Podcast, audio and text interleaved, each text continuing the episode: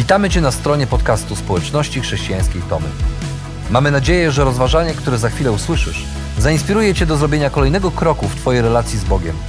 Bo w naszej społeczności zapraszamy wszystkich do relacji z Chrystusem, który zmienia wszystko. Dziękujemy za Twoje zainteresowanie i zapraszamy Cię do polubienia naszego profilu na Facebooku, Instagramie i YouTubie oraz ściągnięcia darmowej aplikacji na smartfona. Dobrego słuchania.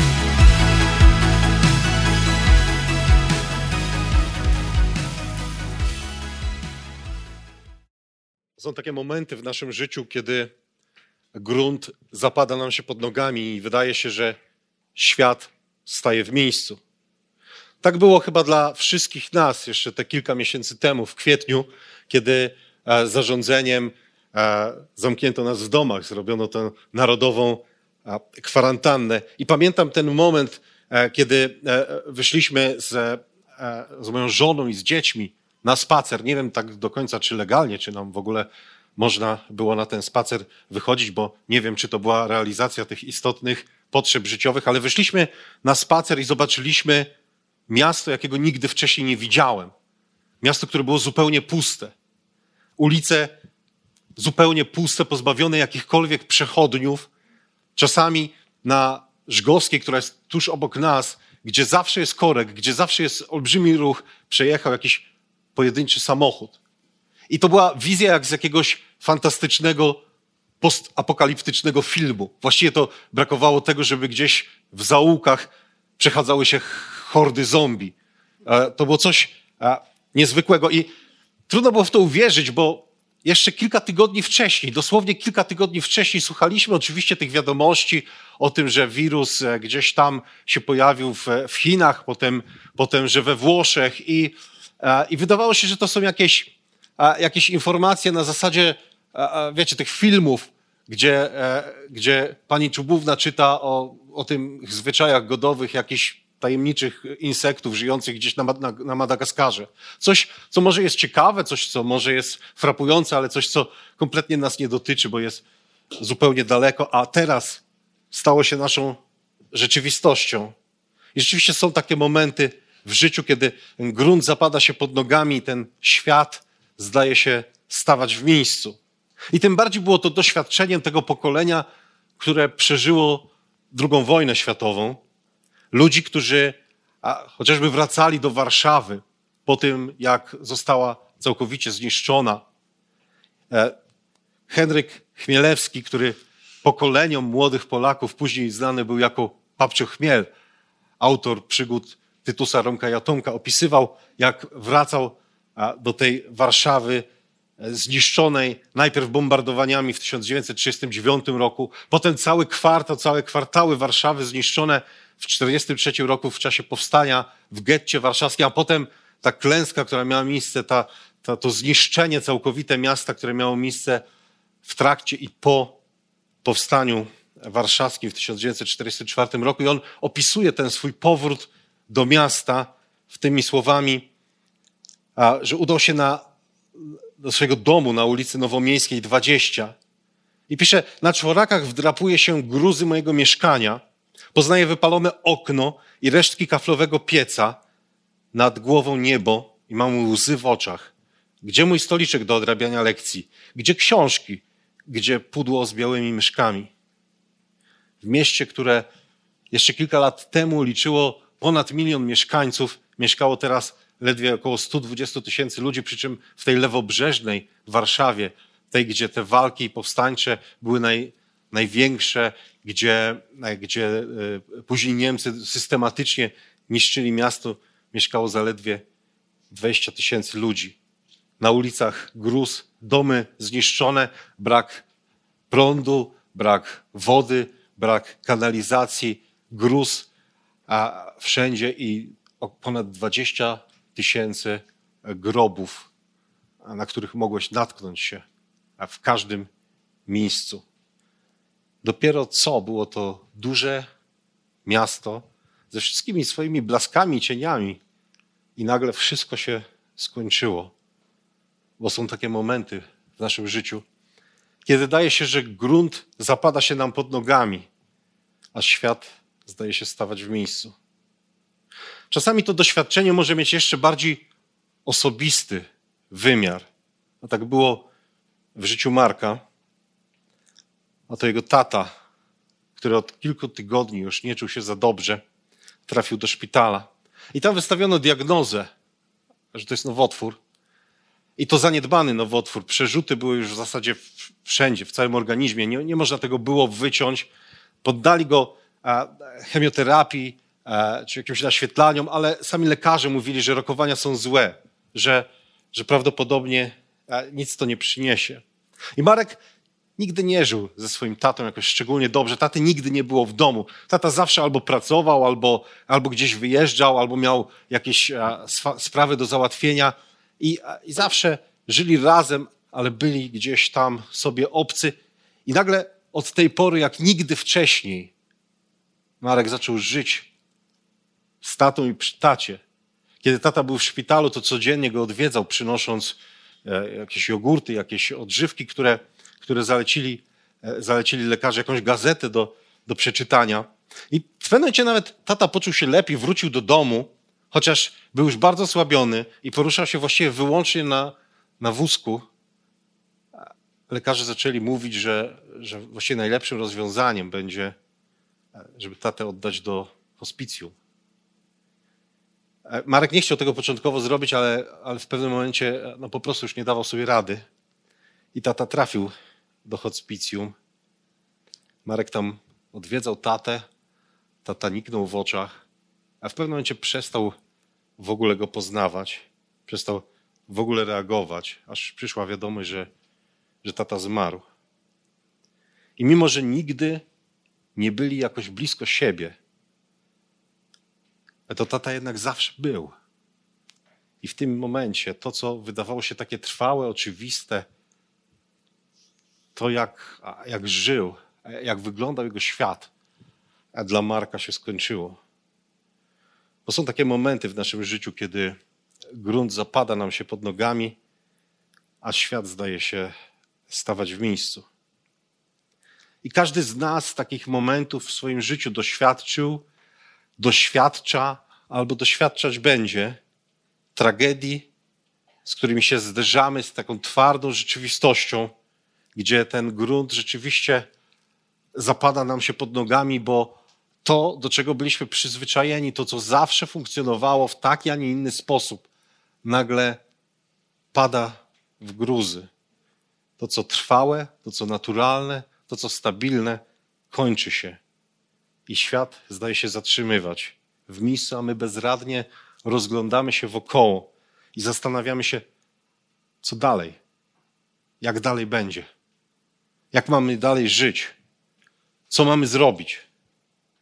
I to jest ten moment w życiu każdego z nas, kiedy w pewnym momencie dochodzi do nas wyraźnie, że potrzebujemy usłyszeć głos od samego Boga odpowiedź na to pytanie, a co powinniśmy zrobić. I szperając wśród kart Biblii, znajdziecie tam gdzieś w samym środku e, zaszytą taką niewielką księgę, liczącą sobie zaledwie cztery rozdziały. A księgę, która opisuje cały naród, który znalazł się w tej sytuacji, że oto grunt usunął im się spod nóg że oto świat, wydaje się, zatrzymał się w miejscu. To jest księga Joela, księga proroka Joela. I w pierwszym rozdziale tej księgi możemy przeczytać następujące słowa. Słowo, które Pan skierował do Joela, syna Petuela.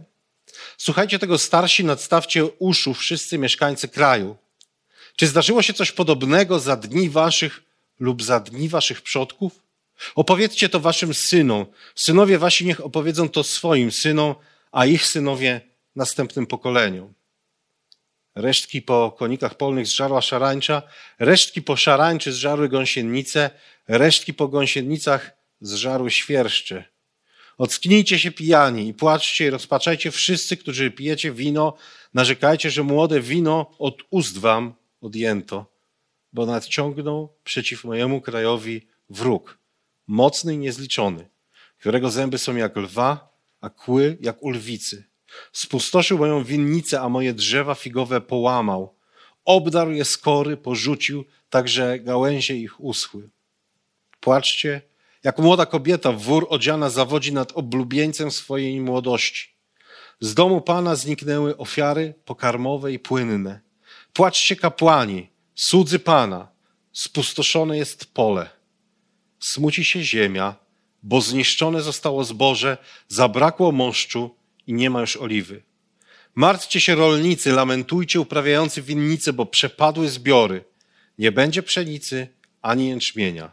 Usech krzew winny, zmarniał figowiec, drzewo granatu, palma daktylowa i jabłoń uschły. Wszystkie drzewa w polu. Tak znikła radość wśród ludzi. Ubierzcie się w wory pokutne i płaczcie. Kapłani, lamentujcie cudze ołtarza. Przyjdźcie odziani w wory i czuwajcie cudzy mojego Boga, gdyż zniknęła z domu waszego Boga ofiara pokarmowa i płynna.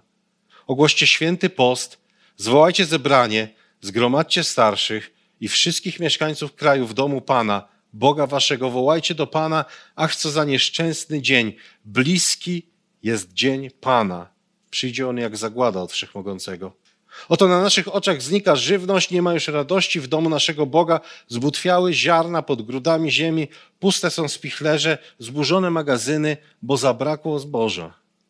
Jakże ryczy bydło, błąkają się stada wołów, bo nie mają pastwisk. Również stada owiec dotknęła klęska. Do ciebie, panie, wołam, bo ogień strawił pastwiska na stepie, a płomień spalił wszystkie drzewa w polu. Nawet dzikie zwierzęta wzdychają do ciebie, bo wyschły strumienie wody, a ogień strawił pastwiska na, skle, na stepie. A cały problem z księgami proroków polega na tym, że one nie są łatwe do zrozumienia. A czytamy ten tekst, a i wielu z nas zastanawia się tak po prostu, ale o co w tym tak naprawdę chodzi? I o ile zrozumienie przeciętnej księgi prorockiej, a jest ich w Biblii w końcu trochę, nigdy nie jest łatwe, to w przypadku księgi Joela jest to szczególnie trudne. Nie jest to łatwe, dlatego że tak naprawdę wszystko tutaj jest dla nas zagadką. Przede wszystkim zagadką jest sama tożsamość Joela, bo w gruncie rzeczy nie wiemy, kim on był. Imię Joel oznacza, że Jahwe jest Bogiem i to piękne imię dla proroka, ale było całkiem popularne w Izraelu. Jak przewertujecie swoje Biblię kiedyś e, w domu, to możecie wyszukać rozmaitych jo Joelów, których na kartach tej Biblii nie brakuje. Więc jak odróżnić tego Joela od innych Joelów, e, których z pewnością e, w całym Izraelu było wielu? No, najlepiej byłoby mieć jego nazwisko, ale ponieważ starożytni Izraelici nie używali nazwisk, to przynajmniej używali tego, co na wschodzie nazywa się odciestwo. To jest imię ojca. No więc wiemy, że, że Joel był, e, nie był pierwszym lepszym Joelem, był Joelem, synem Petuela. Niewiele nam to wyjaśnia, bo nie wiemy, kim był Petuel i nigdzie na kartach Biblii więcej ten, że Petuel wspomniany nie jest. E, e, to, co możemy wyczytać gdzieś pomiędzy wierszami księgi Joela, to to, że dużo opisuje o świątyni, a więc bibliści sądzą, że prawdopodobnie był związany z świątynią, być może był kapłanem, być może był lewitą. Chyba był wykształcony, bo używa bardzo ładnego języka, bardzo kunsztownie skomponowana jest ta księga, ale to jest wszystko, co możemy o nim powiedzieć. Nie tylko nie wiemy, kim był Joel, okazuje się, że nawet nie wiemy, kiedy żył Joel i kiedy powstała jego księga. A w większości ksiąg prorockich zawsze jest mowa o tym, za czasów jakiego króla, albo w jakim momencie historycznym wydarzenia w niej opisywane, albo proroctwa, które tam są opisywane, zostały wygłoszone. A z księgą Joela jest ten problem, że tu nie ma mowy o żadnym królu, nie wiemy kiedy to było. Nie ma mowy o żadnych wydarzeniach historycznych, które moglibyśmy połączyć z innymi. Krótko mówiąc, nic nie wiemy. Bibliści do dzisiaj cały czas się spierają, czy to było w VIII czy IX wieku, czyli w czasach podzielonego królestwa, kiedy Izrael był na, na, południu, na północy, a na południu królestwo Judy, czy to było już po powrocie z niewoli babilońskiej, czy w jakim innym momencie to wszystko się działo. Nie wiemy tego. Wszystko wydaje się być tak bardzo niejasne. Natomiast to, co jest jasne, to to, że Joel na samym wstępie oznajmia, że to jest słowo, które nie jest jego słowem, ale dotarło do niego od Pana, od samego Boga. No mniej jasne jest już to, o co w tym tak naprawdę w tym słowie chodzi. Joel jest dosyć tajemniczy. Mówi, resztki po konikach polnych zżarła szarańcza, resztki po szarańczy gąsienice, resztki po gąsienicach zżarły świerszcze. I tak naprawdę to jest tłumaczenie nasze, które znowu na język polski, które znowu rozbija się o takie rafy a, problemów językowych, bo to cztery różne słowa. Wygląda na to, że każde z nich tak naprawdę opisuje szarańcze. I nie wiemy, czy chodzi o cztery różne gatunki szarańczy, czy może o różne stadia rozwojowe, bo szarańcza, jak wszystkie inne owady, przechodzi te stadia rozwojowe od, od larwy aż do tego rozwiniętego tak zwanego imago.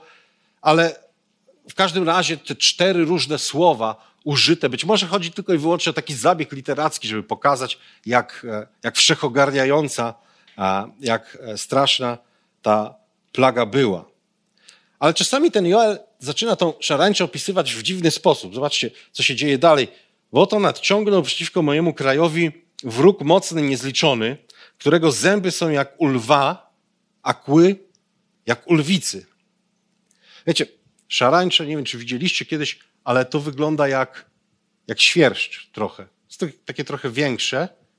E, wygląda po prostu jak, jak świerszcz. Gromadzi się w olbrzymie stada i rzeczywiście potrafi być niszcząco. A jedna z najsłynniejszych w ciągu ostatnich dziesięcioleci plag szarańczy miała miejsce w 1915 roku na terenie Palestyny i Syrii. I ludzie opisali to, wielu świadków opisało to, co wówczas się działo. Okazało się, że nadleciały, nadleciały w marcu z północnego wschodu chmurami tak gęstymi, że jak opisywali ludzie, zasłoniły słońce. W dzień było po prostu ciemno z powodu takiej dużej ilości owadów. I rzuciły się na trawy, na, na pola, wyżerając wszystko, co mogły. I za chwilę samice złożyły jaja. Każda z samic złożyła około 100 jaj.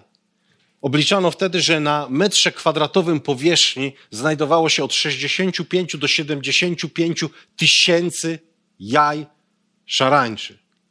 Po jakimś czasie odleciała. I już po kilku tygodniach, już po kilku tygodniach z tych jaj wykluły się młode larwy. Nie miały jeszcze skrzydeł, więc poruszały się skacząc, ale były równie niszczące. 120 do 150 metrów dziennie regularnego wyżerania wszystkiego, co było na ich drodze. Po jakimś czasie przekształciły się w te dorosłe owady i kiedy już były dorosłe, zaczęły latać, bo dostały skrzydła. Mogły poruszać się szybciej i mogły osiągać rośliny, które są wyżej. Więc wlatywały, e, zżerając już nie tylko trawy i zboża, ale też e, winogrona, e, drzewa figowe, a nawet drzewa palmowe. Podobno wgryzały się w pnie drzew, idąc tam, gdzie miękka tkanka się znajdowała, drążąc wręcz, wręcz w nich tunele. A jak końcu odleciała, zapanował głód, bo wszystkie zapasy, wszystkie plony zostały przez tę szarańczę zniszczone. Ale nawet opisując tak wielką plagę szarańczy, żaden z autorów w tym 1915 roku, który miał okazję to widzieć na własne oczy, nigdzie nie napisał, żeby szarańcza miała wielkie zęby, niczym u lwa. E, wygląda na to, że Joel posłużył się tutaj taką poetycką formą literacką, próbując pokazać, że oto dzieje się coś groźnego. I tak naprawdę przestajemy wiedzieć, czy on jeszcze opisuje szarańcze, czy on może już opisuje e, jakiegoś innego przeciwnika, który, który pojawił się e, tam na miejscu, może jakiś najazd obcych ludów, może jakichś Babilończyków, może kogoś jeszcze innego. Czasami trudno zrozumieć, co ten prorok tak naprawdę miał na myśli. Adam Szumorek, zawsze mówiąc o prorokach, e, przyrównuje ich przesłanie, to w jaki sposób oni mówili do opowieści wigilijnej Dickensa. Nie wiem, czy pamiętacie, być może nawet jeżeli nie czytaliście, to na pewno każdy z was przynajmniej oglądał jedną z dziesiątków chyba ekranizacji opowieści wigilijnej, gdzie jest bohaterem jest ten Ebenezer Scrooge, taki wredny e, skąpiec. E, i, w pewnym momencie właśnie w dzień Bożego Narodzenia, e, w Wigilię Bożego Narodzenia pojawiają się u niego trzy duchy i pokazują mu dawne święta Bożego Narodzenia, teraźniejsze święta Bożego Narodzenia i przyszłe. I on może zobaczyć, jak to było z nim kiedyś, co się dzieje dzięki temu, co robi dzisiaj i jaki czeka go los w przyszłości. I kiedy on widzi tą przeszłość, teraźniejszość i przyszłość, to dopiero wtedy zachodzi w nim zmiana i przemienia się z tego skąpca i wrednego człowieka w filantropa, w człowieka hojnego. I takie jest właśnie zwiastowanie proroków. Oni mówią o przeszłości, o tym, co się wydarzyło, co naród Izraela przeżył z Bogiem, o przymierzu z Bogiem, o prawie, które Bóg nadał, o tych wszystkich cudach, które Bóg uczynił. Mówią o teraźniejszości, czyli o tym, w jaki sposób naród izraelski od Boga odchodzi. I mówią też o przyszłości, o tym, co się wydarzy, jak Bóg będzie musiał ich zdyscyplinować. Więc może i Joel w tym obrazie szarańczy próbuje zawrzeć informację o przyszłości. O tym, co się wydarzyło, czyli o rzeczywistej pladze szarańczy, o tym, co się dzieje, czyli o tym, że ludzie głodują, nie mają co do garnka włożyć, i o tym, co się stanie, że to może nie jest jedyna klęska, która na nich czeka. W każdym razie dzisiaj efektem tego, co się wydarzyło, są zniszczone pola, wyjałowiona ziemia. Nawet w świątyni, gdzie codziennie składane były ofiary dla Boga, nie ma z czego tych ofiar już po prostu złożyć. Wygląda na to, że po szarańczy przyszła jeszcze susza, która dopełniła skali tego zniszczenia. Więc wspominając ten bezmiar zniszczeń, Joel mówi: Słuchajcie tego starsi, nadstawcie ucha mieszkańcy kraju. Czy zdarzyło się coś podobnego za waszych dni lub za dni waszych przodków? Opowiedzcie to waszym synom. Synowie wasi niech opowiedzą to swoim synom, a ich synowie następnym pokoleniu. Jak pamięć sięgała daleko, nikt nie pamiętał, żeby doszło do takich zniszczeń. I jak pamięć sięgnie w przyszłości daleko, ludzie będą o tym opowiadali. Trzy lata temu mój bliski kolega, e, współpracownik Łukasz, w sierpniowy e, wieczór szykował się do snu. A powoli kończył się dzień. Zapowiadano na ten dzień burzę. Do tej pory nic takiego się nie stało, ale widać było, że niebo zasnuwają chmury. I w pewnym momencie zrobiło się ciemno, a tak jakby już nadeszła noc. A Łukasz był w domu, kiedy zerwał się wiatr i deszcz.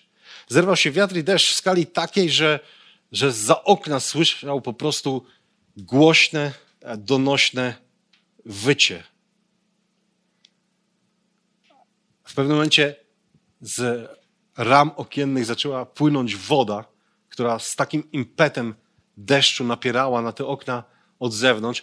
Koledzy Łukasza opowiadali mi, że e, też byli w swoich domach w tym samym czasie, musieli trzymać drewniane okna, takie ci, którzy mieli starsze, ponieważ wyginały się do wnętrza mieszkania. Jeden z nich opowiadał, że ręką zatykał szparę w drzwiach, dziurkę od klucza w drzwiach, ponieważ zachowywała się tak, jakby ktoś od zewnątrz podłączył do niej wąż ogrodowy, po prostu lała się z niej woda. A to gwałtowne wydarzenie trwało jakieś 20 minut. I tak jak niespodziewanie się zaczęło, a tak niespodziewanie się skończyło. A Łukasz opowiadał, że wyszedł wtedy z domu zobaczyć, co się dzieje. I kiedy wyszedł, to zobaczył, że dach jego sąsiada leży u niego w ogródku, niszcząc grządkę z marchewkami. E, szczerze mówiąc, e, wszyscy wyszli zobaczyć, co się dzieje, i w całej e, wsi chyba tylko trzy albo cztery domy nie miały zerwanych dachów. Drzewa w pobliskim parku, ponad stuletnie, wielkie, o średnicy ponad metra, leżały jak jedno przewrócone, połamane. Supy trakcji, e, te, te przesyłowe, elektryczne, połamane jeden po drugim, betonowe słupy. I w pewnym momencie, oglądając te zniszczenia, ktoś przypomniał sobie, że półtora kilometra stamtąd znajduje się obóz harcerski w lesie. I wszyscy pobiegli taką grupą, żeby zobaczyć, co tam się stało. A jedni w klapkach, bo akurat w tym wyszli, ktoś w piżamie, ktoś tam zarzucił kalosze na, na, na, same majtki, y, y, w samych majtkach był ubrany, pobiegli z latarkami zobaczyć, co tam się dzieje. I być może pamiętacie, co się stało, posłyszeliście o tym w telewizji, że e, dwie dziewczynki, które były w tym obozie, zostały zabite przez opadające, opadające drzewa. A tydzień później ja sam przyjechałem tam na miejsce, to co zobaczyłem, a przekraczało moją wyobraźnię. Nigdy nie zapomnę e, widoku rzędu, rzędów betonowych słupów elektrycznych, które wszystkie były połamane i widoku lasu, e, który tam zawsze się znajdował, z którego zostały tylko pojedyncze kikuty. Wszystkie drzewa gdzieś tam na wysokości trzech metrów były po prostu zwalone. I to nie na jakiejś ograniczonej przestrzeni, tylko na dziesiątkach hektarów e, tego lasu. I potem, kilka tygodni później, e, myśmy zaczęli wspólną pracę razem z Łukaszem. Łukasz zawsze z nami pracuje, ale on nie przychodził do tej pracy. Czasem się pojawił, czasami nie. I pytałem go, dlaczego, dlaczego tak pracuje. On raz jest, raz nie ma a zawsze był. I on mówi, że po tym, co, co zobaczył, po tym, z czego doświadczył, on nie jest w stanie normalnie pracować. On nie jest w stanie robić takie zwykłe rzeczy po tym, czego doświadczył. On nie jest w stanie o tym wszystkim zapomnieć. Bo są takie momenty w naszym życiu, kiedy ten grunt zapada nam się pod nogami, kiedy świat zdaje się stawać w miejscu, i potem po prostu nie można o tym zapomnieć. jedyne, co można, jedyne, co można, co pozostaje człowiekowi, to płacz. Dlatego Joel wzywa różne grupy ludzi do tego, żeby płakali. Mówi, a płaczcie, płaczcie kapłani, płaczcie słudzy Pana, płaczcie rolnicy. Cały, cały naród niech płacze niczym kobieta, młoda kobieta, która opłakuje śmierć swojego narzeczonego. Nawet mówi pijacy, alkoholicy, płaczcie, bo już się nie napijecie, bo nie będzie czego. I to są te momenty, kiedy świat staje, kiedy wszystko się zawala, kiedy wszystko się kończy. I okazuje się, że, że czasami to właśnie te momenty są najlepszą chwilą do tego, żeby ruszyć do przodu. I to jest propozycja Joela, dla tych wszystkich udręczonych klęską głodu mieszkańców jego kraju. Mówi: Ogłoście święty post, zwołajcie zebranie, zgromadźcie starszych i wszystkich mieszkańców kraju w domu Pana, Boga naszego. Innymi słowy, przygotujcie się odpowiednio i zwróćcie się do Boga, którego imię, jak Joel cały czas je używa, brzmi Jahwe. Ja jestem dlatego że On jest z Wami, nawet w tym trudnym doświadczeniu, które jest Waszym udziałem. I zwróćcie uwagę, że Joel nigdzie nie mówi, żeby ta szarańcza była jakąś karą za grzech. On nigdzie nie mówi o tym, że coś takiego się stało, w czymś narozrabiali ci, e, ci Izraelici, że teraz muszą, muszą e, w jakiś sposób odpokutować, muszą się nawrócić, musi, musi się coś stać, żeby, żeby jakby obłaskawić Boga. Nie, to się po prostu stało ale skoro to się stało, to to jest najlepsza chwila, najlepszy moment, żeby nie zajmować się sobą, tylko przypomnieć sobie o tym, który jest, który jest wszechmogący. Bo to jest ten moment, kiedy grunt usuwa nam się spod nóg. Kiedy świat staje, to jest najlepszy moment do tego, żeby przypomnieć sobie o Bogu. Trzy dni po 11 września 2001 roku, kiedy dla Amerykanów zatrzymał się świat, kiedy obserwowali zdumieni, jak te samoloty wbijają się w wieżę World Trade Center, kiedy e, nie mogli uwierzyć w to, co się dzieje. A trzy dni później w Waszyngtonie, w katedrze w Waszyngtonie odbyło się ekumeniczne nabożeństwo. E, był tam e, ówczesny prezydent Stanów Zjednoczonych, George Bush, byli też byli prezydenci, Bill Clinton, Jimmy Carter, Gerald Ford. Byli przedstawiciele, przedstawiciele władz i licznie zgromadzeni ludzie. Był też Billy Graham, który na tym nabożeństwie e, wygłosił kazanie. E, słynny ewangelista, też kapelan kolejnych prezydentów. Mówił w swoim kazaniu, nawet to wydarzenie może dać nadzieję. Nadzieję na dzisiaj i na przyszłość. I kiedy mówił o tej nadziei, to sprecyzował, o co mu chodzi. To jest nadzieja na przyszłość wynikająca z Bożej obietnicy. Jako chrześcijanin mam nadzieję nie tylko na to życie, ale także na niebo i na życie, które tam nadejdzie. A Joel setki lat wcześniej mówił: Wołajcie do Pana. Ach, co za nieszczęsny dzień, ale bliski jest dzień Pana.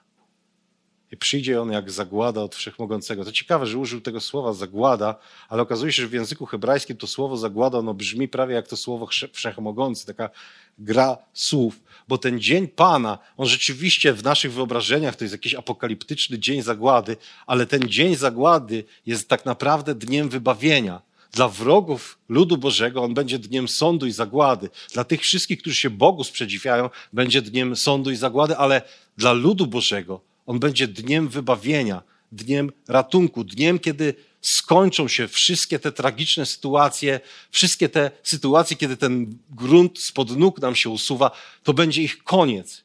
Od tego momentu wszystko się zmieni. Oto dzień klęski, kiedy życie Izraelitów runęło, staje się zapowiedzią dnia Pana kiedy Bóg przejmie władzę i kontrolę nad wszystkim, co na ziemi. I prorok może tutaj z ufnością znamieniać: Do ciebie, panie, wołam. A nawet, że dzikie zwierzęta wzdychają do ciebie z ufnością i nadzieją na wybawienie. Są takie momenty w naszym życiu, kiedy grunt zapada nam się pod nogami, a świat zdaje się stawać w miejscu, i to są najlepsze momenty do tego, żeby spojrzeć w przyszłość, którą dla nas szykuje wszechmogący Bóg. Dzisiaj też może się wydawać nam, że świat wokół nas staje w miejscu. Każdy z nas ogląda te serwisy informacyjne w telewizji albo czyta wiadomości w, w, nie wiem, w gazetach, w internecie, jakimikolwiek innymi drogami docierają do nas informacje o tym wszystkim, co się dzieje.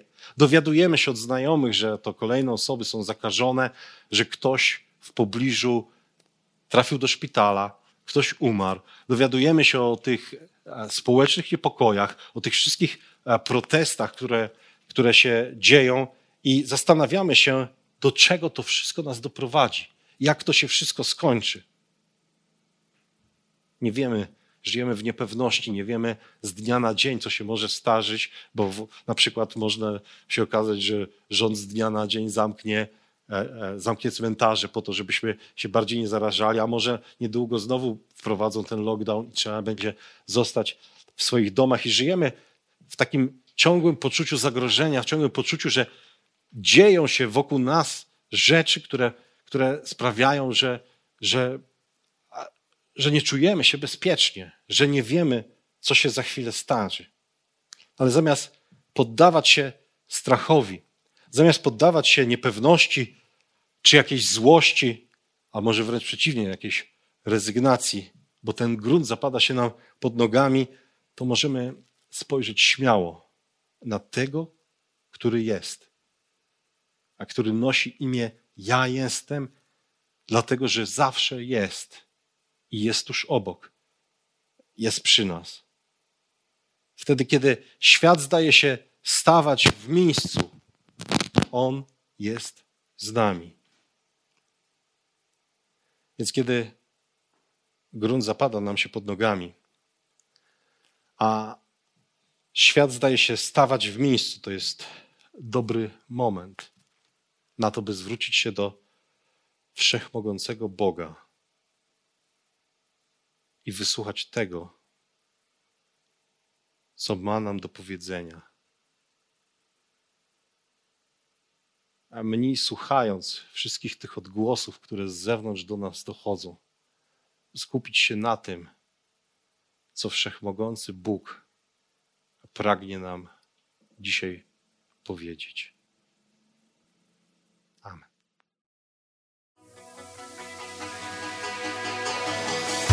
Jeszcze raz dziękujemy za wysłuchanie naszego rozważania.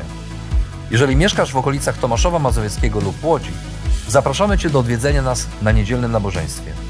Więcej informacji znajdziesz na stronie schatomy.pl.